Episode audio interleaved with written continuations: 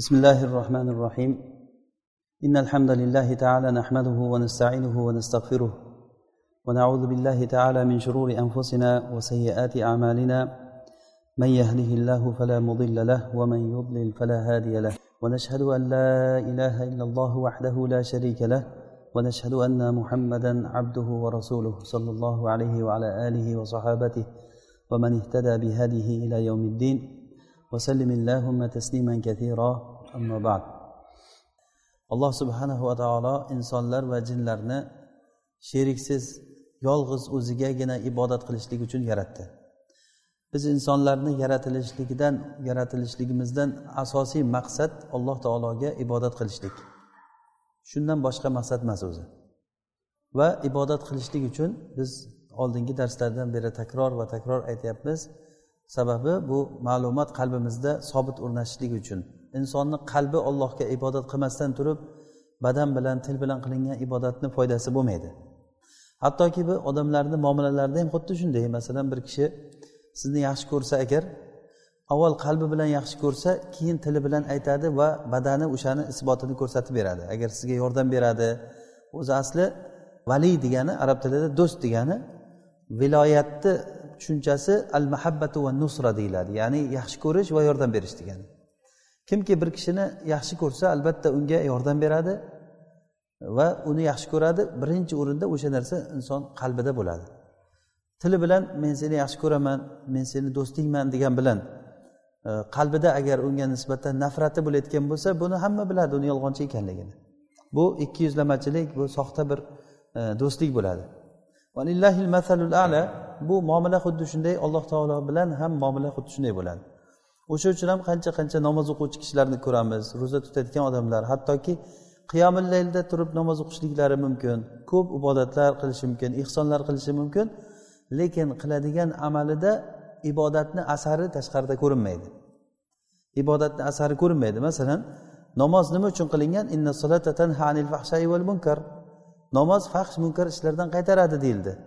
Ba'zi bir odamlar borki namozi o'qigan namozi uni fahsh munkar ishlardan qaytarmaydi. Demak bu qaytarmay ro'za tutadi ro'zasi taqvo hosil qilmaydi. Demak bu asli uni muammo ichidan muammosi borki qalbida o'sha ma'rifati yo'qligi uchun nima uchun qilayotganligini inson bilmaydi. Ollohga bo'lgan ibodat birinchi o'rinda qalb ibodat qiladi keyin iloji yo'q til uni aytadi va badan unga e, ergashadi. Hamma narsada mana shu narsani biz qoida qilib olamiz. Demak alloh subhanava taoloni tanishlik bu. Ma'rifatulloh deb aytdik ollohni tanishlik bu shunaqangi tanishlikki qalbga u iymon bo'lib singish kerak. Agarda qalbga bu ma'rifat iymon bo'lib singmaydigan bo'lsa bu ma'rifatni foydasi yo'q uni. Iymon bo'lib singmaydigan bo'lsa. Mana shu narsa muhim.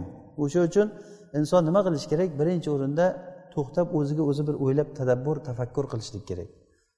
Ollohni oyatini agar bizni katta bir e, yaxshilikdan ko'p uzoqligilarimizdan biri alloh taolo hammamizni yaqinlashtirsin. Arab tilidan uzoqligimiz. Ollohni kalomidan uzoqligimiz. Ollohni kalomi o'qilingan paytda uni tushunmasligimiz. Endi ko'pchilik odamlar tushunadi alhamdulillah buni. Bu ollohni kalomini agar tadabbur va tafakkur qilinsa qur'on boshdan oxirigacha olloh haqida gapirganga o'xshaydi. Bizni robbimiz kim? Bizni robbimiz qanaqangi zot? Biz eng muhim narsa qalb ibodat qilishlik uchun alloh subhanava taologa ollohni ism sifatlari bilan ibodat qilamiz deb aytdik.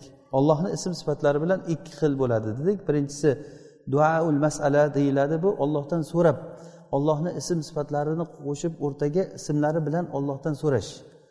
Masalan ey alloh taolo g'oniy ismi bo'lsa g'oniy ismi bilan boylik so'rash. Alloh taoloni vahhob ismi bilan hiba so'rash masalan. Alloh taoloni g'afurur rohim ismlarini qo'shib mag'firat qilishligini so'rash. Bu ismini buni arab tilida duaul masala deyiladi. Ikkinchisi va asosiysi o'zi duaul ibada ibodat qilishlik. Biz asosan shuni atrofida aylanamiz olloh subhanahu va taologa ollohni ismlari bilan qanday qilib ibodat qilamiz? Ana shuni o'rganishligimiz kerak. Qanday qilib turib kishi ollohni ismi bilan ollohga ibodat qiladigan bo'ladi? Bu uchun insonni qalbi avval o'sha narsaga taslim bo'lishi kerak. Agar qalb taslim bo'lmasa foydasi yo'q uni. Til bilan ertalab turib masalan ba'zi bir tasavvuf ahlida bo'layotgan narsalarni ko'rasizki tarbiyalarda e, o'n ming martalab masalan olloh deb ayt deydi. o'n ming marta olloh olloh olloh olloh deb o'n ming marta aytish kerak. Yoki falon ming marta bunday deb ayt deydi. Bu aytishlikdan nima uchun aytadi? Endi ularni nima qilsa? Shu olloh qalbga o'rnashib qolsin deb aytadi ular. Lekin bu bilan olloh o'rnashmaydi qalbga. Olloh olloh deyavergan bilan olloh o'rnashmaydi. Toki insonni qalbi o'zi o'sha narsani tan olishi kerak. Xuddiki fir'avnni sehrgarlariga o'xshab. Fir'avnni sehrgarlari muso alayhissalom bilan tortishishlik uchun maydonga kelgan paytda ular fir'avnni butun izzat egasi deb e'tiqod qilishardi. Shuning uchun ham ular arqonlarini tashlashgan paytda qolu bi izzati fir'avna inna lanahnul g'olibun deb tashlashgan.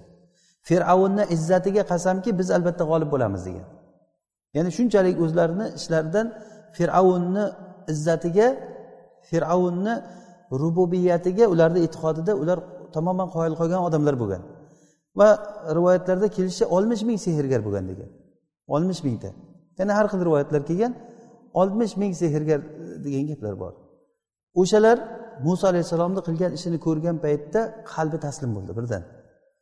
Shu payti sajdaga yiqildidan keyin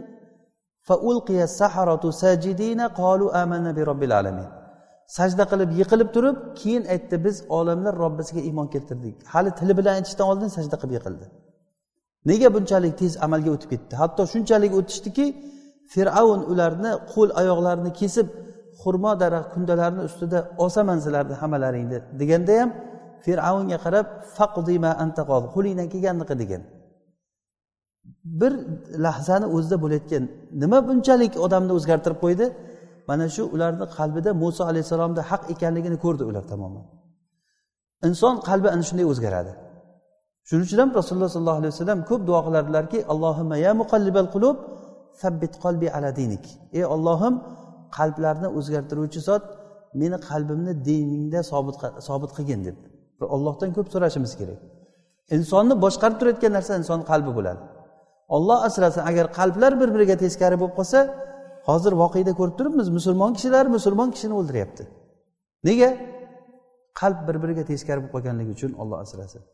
Mana shu qalbda hamma narsa insonni bu qalbni boshqarayotgan narsa ma'rifat bo'ladi. Insonda o'sha bu ma'rifat xuddi hozirgi tilda aytganda mana programmaga o'xshaydi. Programma kirgizib qo'yilgandan keyin o'sha programma bo'yicha yuradi. O'sha programma bo'yicha ishlaydi. Insondagi o'sha programmasi ana shu qalbidagi uni ma'rifati. Bu insonda ma'rifat iymon aqida darajasiga chiqqandan keyin inson bu yo'lda hech narsadan qaytmaydi. Pulini ham sarflaydi jonini ham sarflaydi. U uchun inson avval o'zini nima qilayotganligini bilishlik kerak. O'sha uchun ham buxoriy rahimaulloh o'zining sahihida babul ilmi qoblal qavli val amal qovul gapirishdan oldin va amal qilishdan oldin ilm o'rganish bobi deb aytgan. Ya'ni avval gapirishdan oldin va amal qilishdan oldin bilish kerak odam. Alloh taolo qur'onda aytdiki falam annahu la ilaha illalloh ollohdan boshqa iloh yo'q ekanligini bilgin degan. Bilgin bilish bu qalbda bo'layotgan ma'rifat. Inson bilimsiz ibodat qilolmaydi. Ibodat qilsa ham ibodat qilsa ham masalan ming rakat namoz o'qisa ham bitta ishi bilan buzib ketaveradi hammasini qilgan amallarini buzib ketadi. Nima uchun? O'sha ma'rifatsiz bo'lganligi uchun. Mana bu narsa bizga muhim. Keyin bizga bugun aytmoqchi bo'lgan narsamiz shu ediki alloh subhanava taoloni biz ism sifatlari orqali malik va malik va malik ismlarini o'tayotgandik. Alloh taolo qur'onda tamoman o'zidan boshqada mulk yo'q ekanligini tushuntirdi odamlarga. Har xil yo'llar bilan. Ular na bir rizqqa ega bo'ladi odamlar. Na bir foyda bera oladi na bir zarar bera oladi na bir rusht na bir hidoyat ollohdan boshqa hech kim hech narsa qilolmaydi ollohdan boshqa na inson bo'lsin na farishta bo'lsin na payg'ambar bo'lsin ollohdan boshqa hech kim ollohni iznisiz hech narsa berolmaydi hech narsaga ega bo'lolmaydi hattoki xurmoni danagini ustidagi po'stlog'icha ham odamga hech narsa qilolmaydi. Mana shu narsaga avval iymon keltirish kerak odam. Molik faqat ollohni o'zi. Xuddiki xoliq faqat olloh bo'lganidek rob ollohni o'zi bo'lganidek malikul mulk mulkni egasi alloh taoloni o'zi. Alloh taolo mulkni tamoman o'zidan boshqadan nafiy qildi ya'ni uni yo'q dedi o'zidan mulk faqat ollohniki va ba'zi bir o'rinlarda isbotladiki odamlardan ham moliklar borligini masalan qur'onda e, malik deb aytgan. Ya'ni ba'zi joylarda podshoh bor podshoh deb bir hikoyalarni orasida insonlarda molik borligini aytib o'tib ketgan. Buni qanday tushunishimiz kerak? Odamlarni ichida podshohlar bor hozir ham biz ko'ryapmiz dunyoda podshohlar bor ekanligini. Buni qur'onni uslubi shunaqaki bir joyda bir narsani isbotlasa va bir joyda uni nafiy qilib turib yo'q bu deydigan bo'lsa buni shunday tushunishimiz kerakki bir jihatdan isbotlagan bir jihatdan nafiy qilgan. Ya'ni uni nafiy qildi degani yo'q degani haqiqiy ma'noda podshoh yo'q. Haqiqiy ma'noda o'sha podshohlarni o'zi boshqa insonlardan ko'ra ollohga va ko'proq muhtoj. Inson o'zi turgan turmushi faqirlik dedik inson faqirlikdan iborat. Turgan turmushi muhtojlik. Va bu faqirlikni ustiga muhtojlik ehtiyoj qo'shiladi. Insonda boshqa hayvonlardan ko'ra ehtiyoji juda yam katta. Masalan qo'y va sigirlarga qog'oz bilan qalam kerak emas. To'g'ri ular faqir to'g'rimi? Masalan hayvonlar tilsiz hayvonlar faqir ular ham insonlarga o'xshagan faqir. Lekin ularni ehtiyoji insonchalik emas. Insonga qog'oz qalam kerak ularga qog'oz qalam kerak emas. Kompyuter kerak emas telefon kerak emas hech qaysiga masalan. To'g'rimi? Qavmi qarindosh ham kerak emas ularga. Uylanish ham kerak emas. Masalan insonga bu narsalar hammasi kerak. Farzand kerak qavmi qarindoshlar kerak. Mehr oqibat degan narsaga muhtoj inson qanchalik? Do'stga muhtoj hayvonlar do'stga muhtojmi? Yo'q yashayveradi hech zerikadimi hayvon bir o'zi bir joyda yashasa deb? Masalan unaqa deb o'ylama insonlar u hayvonlardagi ehtiyoji insonni ehtiyojichalik emas. Insonda ehtiyoj judayam katta insonda. Insonda ham faqirlik faqirlik degani bu yetishmaslik degani. Tarjima qilsak agar o'zi faqr kalimasi arab tilida bir ochiqlik ma'nosini beradi. Bir ikkita narsani orasini ochilib yorilsa o'sha faqr degani. Ya'ni faqirlik degani insonda yetishmovchilik degani. Yetishmovchi nima yetishmaydi bizga? Bizga hech hamma narsa yetishmaydi. Hamma narsa kerak. Ilm kerakmi? Hidoyat kerakmi? Rushd kerakmi? Boylik kerakmi? Ha? Hamma narsa ollohni rahmatiga muhtojmizmi yo'qmi hamma narsa kerak bizga. Lekin ehtiyoj ehtiyoj bu insonni ehtiyoji faqrligiga qo'shilgan yana. Insonni ehtiyoji faqirligi bilan birga qo'shilib boshqa maxluqotlardan hatto farishtalardan ko'ra insonni ehtiyoji katta. Chunki farishtalarga kiyim kerak emas ovqat kerak emas suv ichish kerak emas nikohlanishlik uchun uylanish kerak emas. Bularni hammasiga biz muhtojmiz. Inson ya'ni yuz foiz muhtoj va faqir hamma tomondan. O'sha muhtojni alloh taolo bir joylarda podshoh deb aytyapti. Bu o'zi aslini olganda podshoh deyishlik kulgili narsa shunday bo'lgandan keyin. Xuddiki bir hech narsani bilmayotgan odamni katta ey alloma keldi alloma keldi deganiga o'xshaydida bu olganda. O'zi hech narsani bilmasa tamom johil bo'lsada uni odamlar hamma alloma olimu alloma deb atasa bu kulgili bo'ladiku. Insonniki ham xuddi shunday bo'ladi. Lekin bir jihatdan odamlar uni alloma olim deganligi uchun mana olimni bu yoqqa chaqiringlar deb aytganga o'xshaydi bu. Masalan chaqirgan paytda. Alloh taolo masalan ahli kitoblarni qur'onda bir qancha joylarda aytgan ya ahlal kitob deb nido qilgan masalan. Ya'ni ahli kitob degani nima degani? Ularga kitob berilingan ular tavrot va injil sohibi degani ahli kitoblar degani. Ya'ni kitobi bor odamlar degani. Ya'ni bir jihatdan kitob sohibi ular. Va boshqa joylarda masalan ularni isbotlab innallazina kafaru min ahlil kitabi val mushrikin deb mushriklardan ajratib aytgan ahli kitoblar va mushriklar. Demak bu degani ahli kitob degan bir odamlar bor ekan. Ularni ahli kitobligini alloh taolo tan olgan ekan va ularni ahli kitoblarga uylanishligimiz va ularni so'ygan jonliqlarini yeyishligimizga ruxsat bergan ahli kitobligi uchun. Demak ahli kitob degan bir odamlarni alloh taolo tan olgan.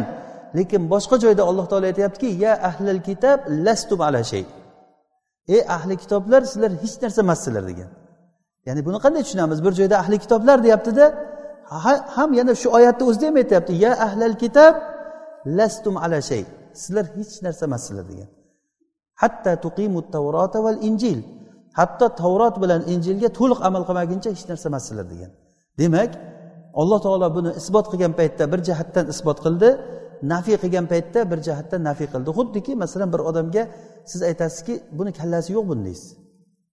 Kallasi yo'q buni degani nima degani borku kallasi. Boshqalarnikidan ko'ra kattaroq kalla bo'lishi mumkin unda. Lekin kalla yo'q degani nima degani? Bu o'sha kalladan kelib chiqayotgan kallasi bor odamni qilmaganligi uchun. Yoki buni umuman qalbi yo'q odamni deyiladi. Bu odamni umuman ko'zi yo'q buni deydi. Birday chalishib yuradigan odamni ko'zi yo'q deyiladi masalan. Nima uchun? Chunki ko'zni muqtazosidan kelib chiqib ish qilmaganligi uchun. Podshohlar ham xuddi shunday. Alloh taolo qayerda insonni molik emas deb aytgan bo'lsa uni haqiqatini aytgan bo'ladi. Haqiqatda molik emas. Ya ayuhannas antumul fuqarou ilalloh. Sizlar ollohga muhtojlik yuzga yuz muhtojligi. Vallohu g'aniyul hamid. Alloh taolo u boy bo'lgan behojat bo'lgan zot balki odamlarni hojati unga tushadigan zot.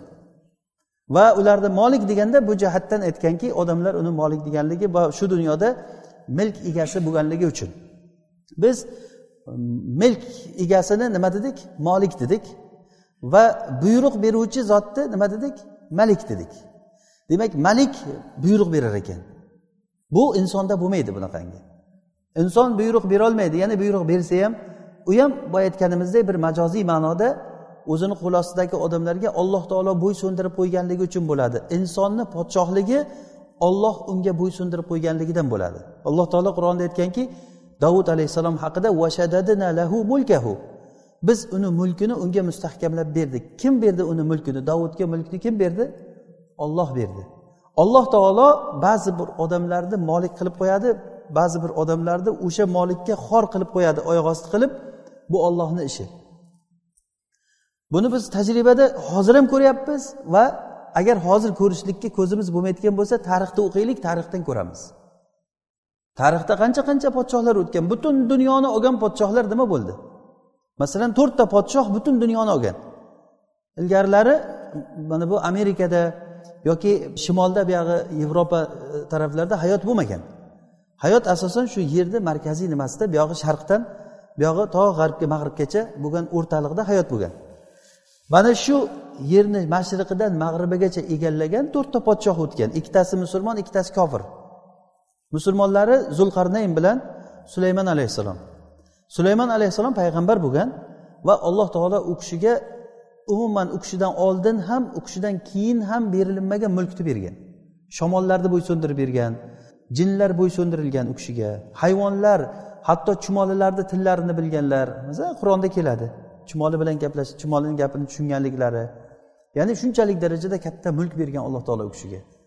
Jinlar bo'ysungandan keyin dengizni tagidagi nimani boyliklarini gavharlarini u kishiga terib olib chiqib bergan jinlar. Bu kishi ham o'tdi endi. Sulaymon alayhissalom ollohni podshoh qilishligi bilan podshoh bo'ldi. Va zulqarnayn ham xuddi shunday alloh taolo u kishiga mulkni bergan podshoh bo'lgan u kishi. Yerni mashriqidan mag'ribigacha egallagan ollohga itoat qilgan odamlarni hurmat qilgan ollohga kofir bo'lgan odamlarni qattiq azoblagan u kishi. Va kofir podshohlardan buxtunassor degan bu bani isroilni azob bergan odam. Yahyo ibn zakariyani so'ygandan keyin yahyo ibn zakariyani bani isroilda bir podshoh bo'lgan o'zini xotinini qiziga uylanmoqchi bo'lgan. Keyin yahyo alayhissalom bo'lmaydi bu. Yahyo ibn zakariya bu harom bo'ladi bu deganda keyin haligi qizni onasi g'azablanib turib shu yahyoni o'ldirishlik payiga tushgan. Va podshoga fitna qilib haligi qizini bezab podshoni oldiga olib kirib podsho hojatini unga tegishaman degan paytda shu yahyoni o'ldirsang men rozi bo'laman degan. Va o'ldirtirgan haqiqatdan ham u kishini tovoqqa kallalarini muborak boshlarini olib kelishgan.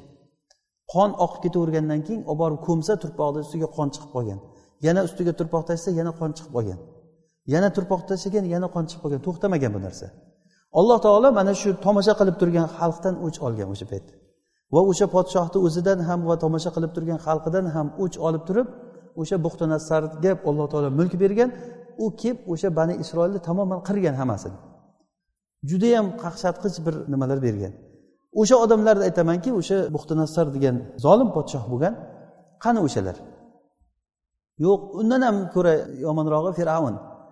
Fir'avn ya'ni muso nimani muso alayhissalom fir'avn emas bu ibrohim alayhissalom davridagi fir'avn namrud ismi namruz deb atalinadi kitoblarda namruz yoki namrud deb ataydi. Bu ham dunyoni olgan podshohlardan. Butun mashriqdan mag'ribgacha egallagan namruz.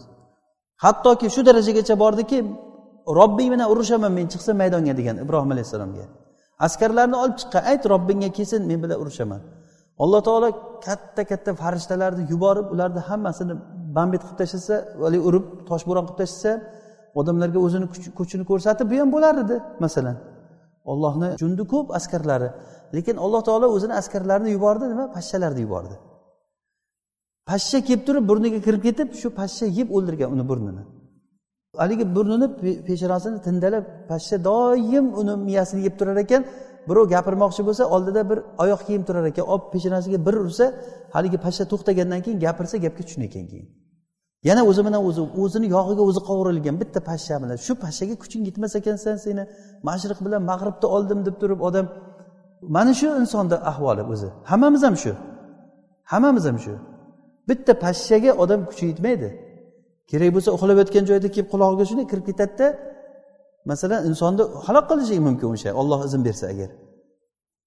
Bundan ko'ra boshqa narsalar ko'p. Alloh taolo valillahi junudus samavati val arz degan osmonlar va yerni askarlari hammasi ollohniki shunday dunyoni egallagan fir'avn boshdan oxirigacha mashriqdan mag'ribgacha egallagan fir'avnni bitta chivin bitta pashsha yeb o'ldirdi. Xor xor bo'lib o'lgan shunchalik. Haligi buxtinassor ham yoki kesro kesro butun imperiya boshlig'i kesro yazdajirt shuni o'limi ham ajib musulmonlar borib turib fath qilgan paytda boshida toji bilan ustida to'ni bilan qochib chiqqan o'sha marv tomonga qarab turib mavrov nahr tarafga qarab qochgan. Qochib bitta tegirmonga kirgan haligi tegirmonchi uni tanimagan kesroligini qaragan ustidagi kiyimi qimmatbaho indamay turgan uxlagandan keyin shart o'ldirib kiyimini olib qo'ygan. Kesroni hayotini qarang tugashini. Shunchalik ham oddiy tugaydimi endi? Yoki mana kecha misolida aytgan hozirgi mana ko'rib turgan narsamiz qazzofiyni misolida masalan. Uni milliard topgan pullari ham o'zi ham mulki ham hech narsa emas. Ko'chada shunday tepib tepib bolalar xuddi kuchukni urib o'ldirganday o'ldirishdi. Inson o'zi shu o'zi demak bundan biz bir narsaga kelishim bu misollar faqat. Bundan bitta xulosa qilishimiz kerak ekanki mulk kimniki? Mulk ollohniki haqiqiy mulk qiyomat kunida ko'rinadi. Shuning uchun ham alloh taolo qur'onda aytganki al mulku yawma idinil haqqu lirrohman haqiqiy mulk o'sha kunda ollohniki bo'ladi. Ya'ni al mulku yawma idinil haqqu lillah demasdan alloh taolo nima uchun lir rohman deyapti? Chunki ollohni mulki rahmat bilan qo'shilgan. Biz oldin ham aytgan edikki qachoniki mulk qachon komil bo'ladi? Rahmat bilan birga kelsa komil bo'ladi. Buni faqat ollohni mulkida tasavvur qilishlik mumkin. Alloh subhanahu va taolo qayerda agar mulkda aytsa oldida albatta rahmatni aytadi. Nima uchun? Ollohni mulki tamoman rahmat bilan bog'langan degani. Mana shunda mulk komil bo'ladi. Haqiqiy komil mulk rahmat bilan birga kelsa. Rahmat bilan birga shuning uchun ham o'sha ar rohmanu alal arshistava arsh deganda biz nimani tushunamiz? Ha? Mulkni tushunamiz. Mulkni kattasi bo'lib ham arsh. O'shanda rohman sifatini aytyapti. Al mulku yawma idinil haqqu lirrohman va yawman alal kafirina asira bu kun kofirlarga qiyin kun bo'ladi. Alloh taolo o'zini dushmanlaridan o'ch olishdan oldin o'zini rahmat ekanligini rahimlik zot ekanligini alloh taolo eslatib qo'yyapti. Lekin shunchalik katta rahmat kofirlarga tegmas tegmaydi bu o'zlariga o'zlari rahmat eshigini yopib qo'yganligi uchun. Xuddiki ibrohim alayhissalom otalariga ya abati inni akhafu an yamassaka azabun minar rahman fatakuna lishaytoni valiya ey ota sizga men qo'rqamanki rahmon tarafidan azob kelib qolishligini. Nima uchun rahmon tarafidan deb aytyapti? Olloh tarafidan yoki qahhor tarafidan yo aziz tarafidan demasdan aynan rahmon sifatini aytyapti. Bu nabiyullohni shunchalik ilm sohibi ekanligiga dalolat qiladiki alloh taolo rahmon sifati bor. Ollohni rahmati ollohni g'azabidan g'olib bo'lgan. Lekin shunday bo'lib turib ham azoblasa bu bilingki bu odam o'zi azobga haqiqiy loyiq odam degani. Haligi aytilinadiku e, nimani? Karim kishini karim kishi masalan judayam saxiy odam bir kishiga bir narsa bermasligi bu e, bu odamni qanaqandir yomon odamligi kelib chiqadi. Bekordan bekorga qilmagan. Masalan ota o'zini farzandiga qanchalik mehribon? Masalan ona o'zini farzandiga qanchalik mehribon? Lekin mehribon bo'lib turib u bolasini ursa demak u bola loyiqligi uchun urgan bo'ladi. O'sha uchun ham fuqarolar fiq kitoblarida aytiladi misol uchun ota agar o'zini farzandini o'ldirib qo'ysa qisos olinmaydi deb.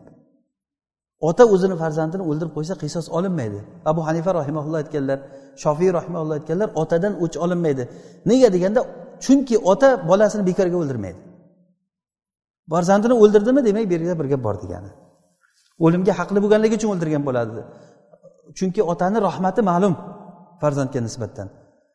Xuddi shunday olloh subhanahu va taolo agar rahmon bo'lib turib azob beryaptimi demak bu odam o'zi azobga loyiq degani.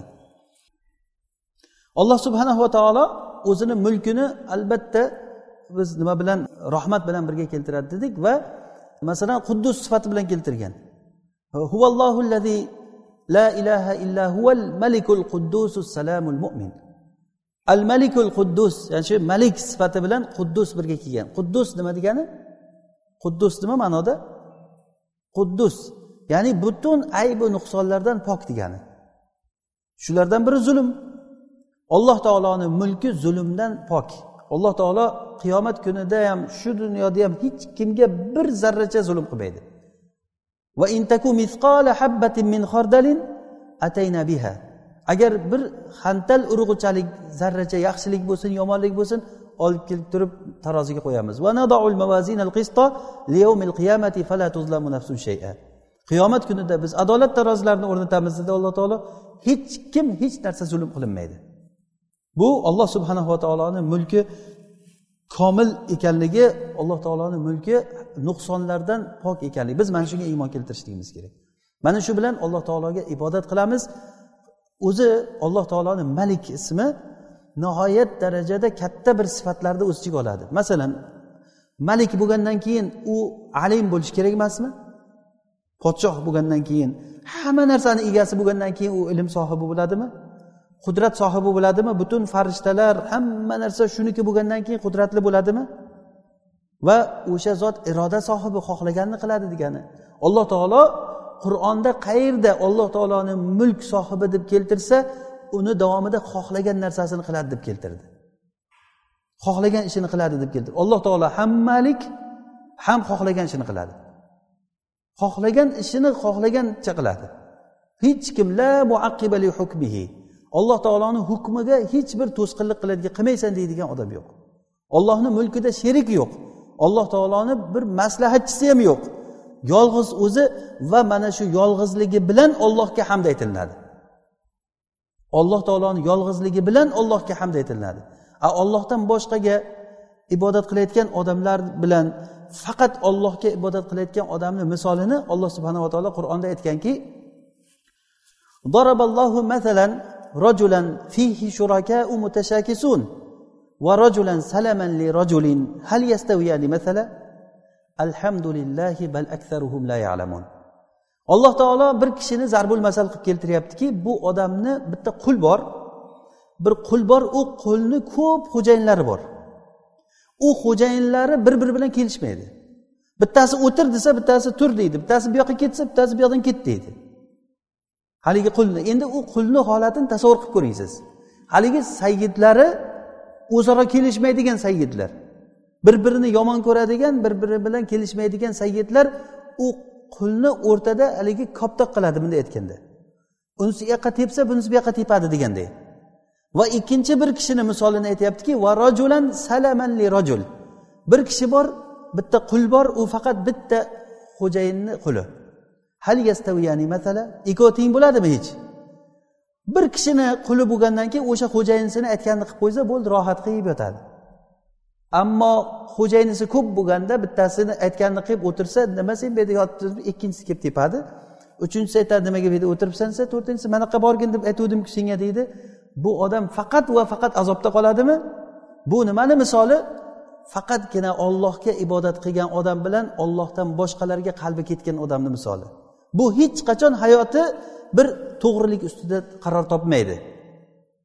Alhamdulillah alloh taolo aytyaptiki ollohga hamd bo'lsin balki ko'pchilik insonlar buni bilmaydi. Nima uchun alhamdulillah deyapti bu yerda? Hozir oyatni e'tibor bering. Bir kishini misoliki bir qul uni ko'p sayyidlari bor. Va yana bitta qul bor uni bitta sayyidi bor. Ikkovi hech qachon teng bo'lmaydi. Alhamdulillah deyapti alloh taolo. Nima uchun alhamdulillah deyilyapti? ollohni birligi uchun alhamdulillah alloh taolo o'zini bittaligi bilan hamd aytilinadigan zot o'zini birligi bilan alloh taologa hamd aytilinadi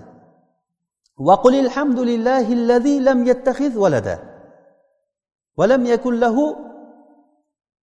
شريك في الملك ولم يكن له ولي من الذل وكبره تكبيرا وقل الحمد لله الذي لم يتخذ ولدا bola o'ziga bola olmagan ollohga hamd bo'lsin deb ayting. Alloh taolo o'ziga bola olmagan va alloh taoloni sherigi yo'q va alloh taoloni do'sti yo'q. Qanaqa do'st? Olloh muhtoj bo'lganligidan olgan do'sti yo'q. Ana shu uchun allohga hamd bo'lsin deyilyapti. Nima uchun? Chunki siz birdan bir ollohni rozi qilsangiz bo'ldi siz salomatsiz degani. Agarda valillahil ala bir podshoh masalan har qancha katta bo'lgani bilan uni vazirlari bor uni do'stlari bor podshoh muhtoj bo'layotgan uni maslahatini olayotgan odamlari bor. Siz podshohni har qancha rozi qilganingiz bilan yonidagi vaziri sizga dushman bo'lib qolsa sizni baribir yo'q qiladi. Podshohga sizni yomon ko'rsatadi. Qanday qilib turib ham podshohni ham vazirlarni ham ishchilarni hammasini rozi qilishingiz kerak? Hammasini rozi qilib o'tirgan paytingizda bitta erkatoy o'g'li chiqib qolsa uni rozi qilib bo'lmaydi keyin. Alloh taolo mana shu bilan maqtaniladiki alloh taoloni bolasi yo'q alloh taoloni sherigi yo'q alloh taoloni muhtojlikdan paydo bo'lgan do'sti yo'q. Ollohni do'stlari bor mo'minlar alloh taoloni do'sti payg'ambarlar ollohni do'sti jibril mikoil ollohni do'sti bular farishtalar alloh taoloni do'sti lekin bu do'stlarni olloh o'zini fazli bilan meni do'stim mana shular menga itoat qilganligi uchun deb olgan muhtojligi uchun emas bu. Agar olloh xohlasa butun yer yuzidagi hamma narsani yo'qotib yuboradi va o'rniga boshqalarni olib keladi.